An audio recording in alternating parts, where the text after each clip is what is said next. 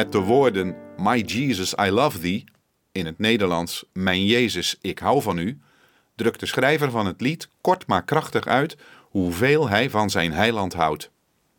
Het gaat William Featherstone, de schrijver, tot het diepst van zijn ziel. De tekst klinkt heel doorleefd. Toch werd het lied niet geschreven door een oude en ervaren schrijver, maar door een jongen die kort daarvoor tot geloof was gekomen. Er is niet veel bekend over Featherstone, behalve dan dat hij lid was van een Methodistenkerk in Montreal en dat hij stierf op de jonge leeftijd van 27 jaar. De tekst werd bekend toen Featherstone hem per post aan zijn tante in Los Angeles stuurde. Zij was zo onder de indruk van de woorden dat ze snel de publiciteit zocht.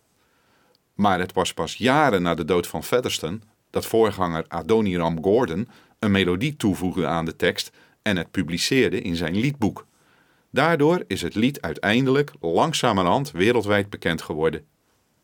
Als we nadenken over de woorden van het lied, dan kunnen we goed begrijpen waarom Gordon juist die woorden bekend wilde maken. Als we de woorden van Featherstone zingen, dan drukken we daarmee uit hoe vertrouwelijk we met Jezus Christus mogen omgaan.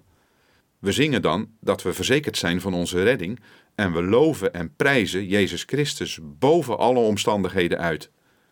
De rijkwijde van elk van deze thema's strekt zich in het lied uit van het heden tot in de eeuwigheid.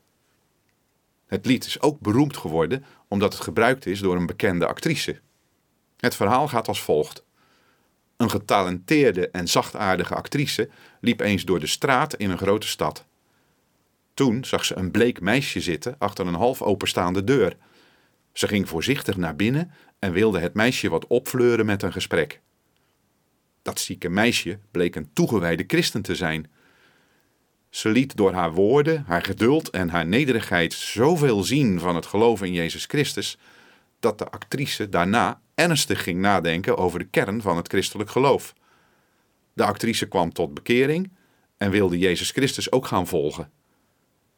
De leider van het theatergezelschap waar de actrice werkte, was haar vader. Ze vertelde hem over haar bekering en haar verlangen om het podium vaarwel te zeggen. Ze zag geen mogelijkheid om haar leven als christen oprecht te combineren met haar leven als actrice.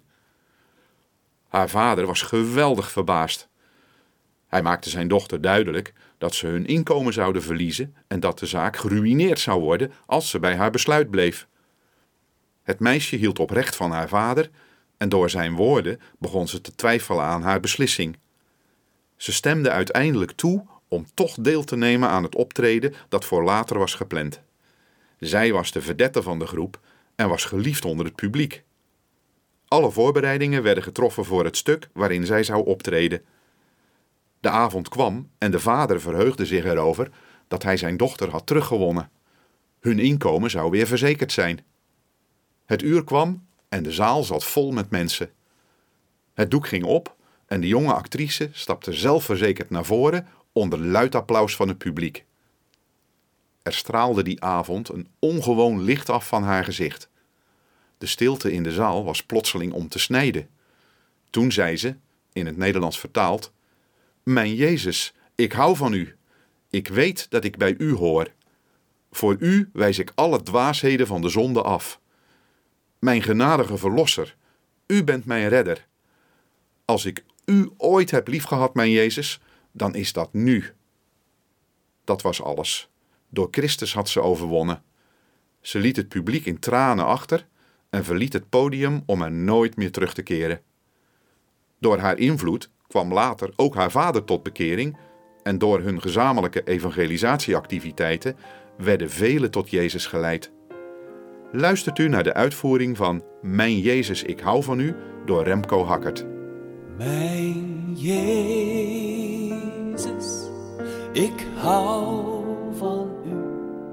Ik noem u mijn vriend, want u nam de straf op u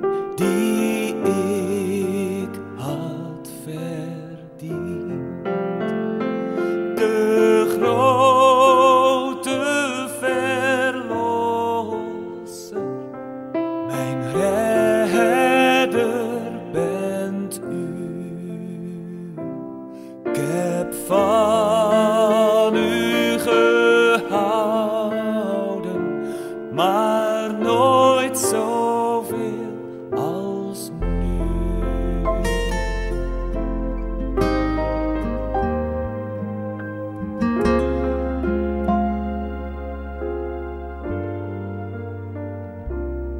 Ik zal van u houden in leven